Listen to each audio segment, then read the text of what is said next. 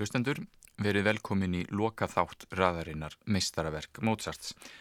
Hér munur hljóma þættir úr tveimur verkum sem Mozart vann að síðustu mánuðina sem hann lifiði, nánar tiltekið í oktober og november 1791. Hann lést skömmu eftir miðnætti 5. desember sama ár og þess er minnst viða um heim að nú eru einmitt 225 ár síðan. Klarinettkonsertin var síðasta stóra verkið sem Mozart lauk við í byrjun oktober handa góðvini sínum, klarinett snillingnum Anton Stadler.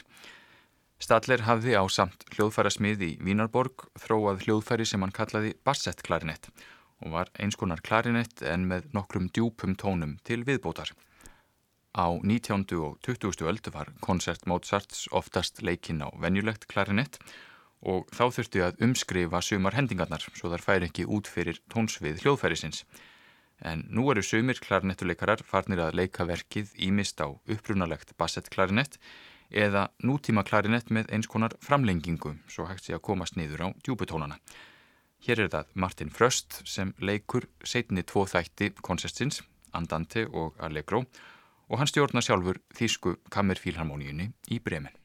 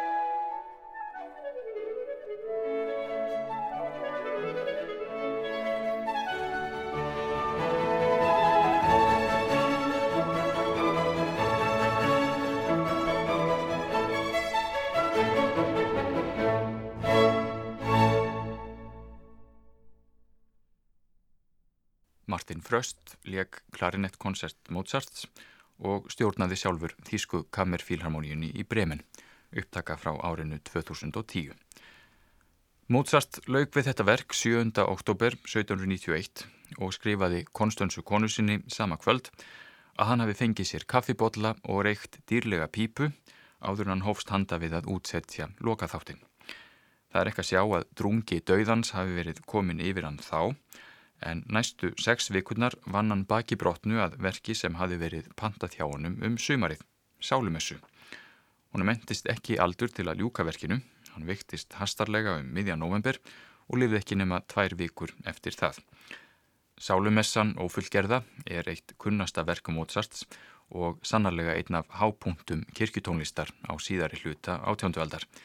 Tónlistin spannar allt róf tjáningarinnar frá dramatískum lýsingum á logum helvítis yfir í blíðarhendingar sem gefa í skinn einhvers konar himnasælu. Við heyrum fimm þætti úr Sálumessu Mozarts, Introitus, Kyrie, Dies Ire, Recordare og Confutatis. Einsungvarar eru Sibilla Rubens, Annette Markert, Ian Bostridge og Hanno Müller-Brackmann. Collegium Vocal Gent syngur og Champs-Élysées hljómsveitin leikur. Það er Filip Herreveke sem stjórnar.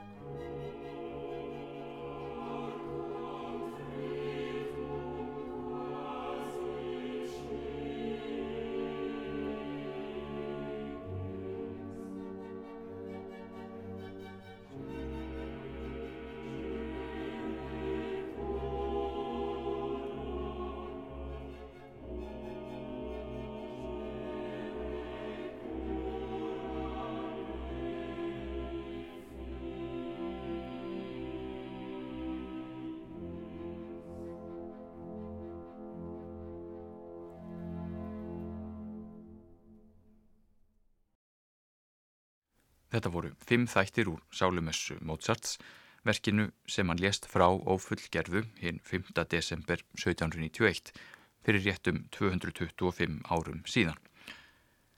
Líklega var Lacrimosa þáttur Sálumessunar einn hinn síðasti sem Mozart vann að, en það náðan eitthvað semja nema fyrstu átta taktana. Fyrstur til að fullgera Sálumessuna var nefandi Mozarts, Frans Saver Susmeir, en á undanförnum þremur áratugum hafa ímsir aðrir höfundar reynd að fylla í þessa stórfenglegu eiðu sem er setni hluti sálumessu Mozarts. Það er auðvitað engin hægðarleikur að ætlaði þetta í fótspór Mozarts og í raun dæmt til að mistakast, en það getur verið áhugavert að heyra annars konar nálgun á þessa vel kunnu tónsmíð. Við ljúkum þessum þætti á Lacrimosa kablanum í útgáfu Duncan Strús frá árinu 1984. Það er Schütz-kórin í London sem syngur á samt London Classical Players, Roger Norrington stjórnar.